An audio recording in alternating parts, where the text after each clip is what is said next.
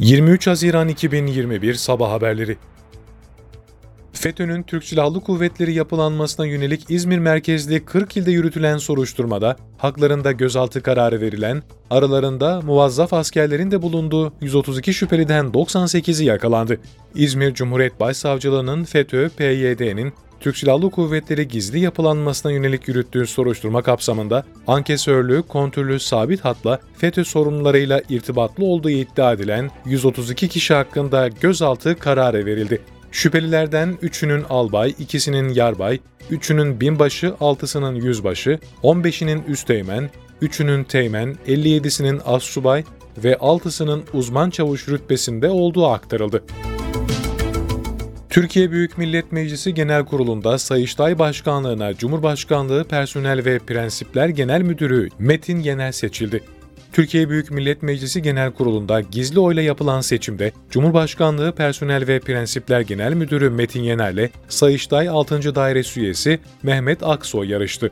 Yener 255 oyla Sayıştay Başkanlığı'na seçilirken Aksoy 4 oy aldı. Seçimde bir boş oy çıkarken 10 oy da geçersiz sayıldı. Türkiye'de dün 223.238 COVID-19 testi yapıldı, 6.143 kişinin testi pozitif çıktı, 57 kişi hayatını kaybetti, hasta sayısı ise 565 olarak kayıtlara geçti. Ağır hasta sayısı 791 oldu, 5214 kişinin COVID-19 tedavisinin sona ermesiyle iyileşenlerin sayısı 5.242.945'e yükseldi. Toplam test sayısı 58 milyon 997 bin 73'e ulaştı. Vaka sayısı 5 milyon 381 bin 736, vefat sayısı da 49 bin 293 oldu. Sağlık Bakanı Fahrettin Koca illere göre 7 günlük her 100 bin kişide görülen COVID-19 güncel vaka sayılarını açıkladı. Bakan Koca'nın paylaştığı Türkiye haritası üzerinden yayımlanan verilere göre haftalık COVID-19 vaka sayısı her 100 bin kişide İstanbul'da 51.27, Ankara'da 93.11, İzmir'de 25.99 oldu. Haftalık verilere göre Kütahya, Bolu, Eskişehir, Ağrı ve Rize 100 bin kişide en fazla COVID-19 vakası görülen iller olarak gerçekleşti. Osmaniye, Hatay, Adana, Adıyaman ve Edirne ise 100 bin kişide en az COVID-19 vakası görülen iller olarak gerçekleşti.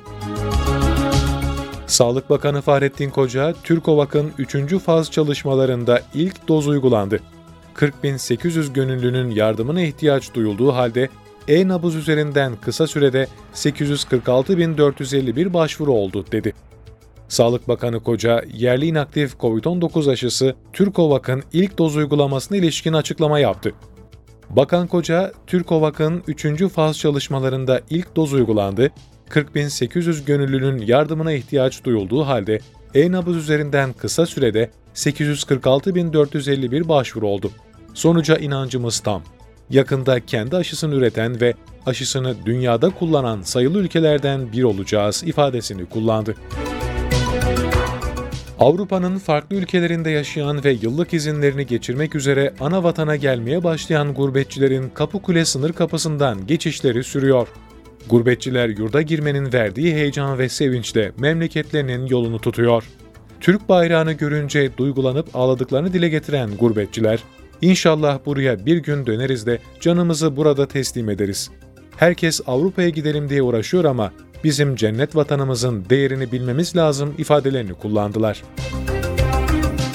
Almanya'nın başkenti Berlin bir buçuk yıl aradan sonra ikinci kez Libya konferansına ev sahipliği yapacak ve konferans bu kez Dışişleri Bakanları düzeyinde olacak. İkinci Libya konferansında ülkedeki barış çabalarında kaydedilen ilerleme ve istikrarın sürdürülebilmesi için atılacak adımlar odaklanacak.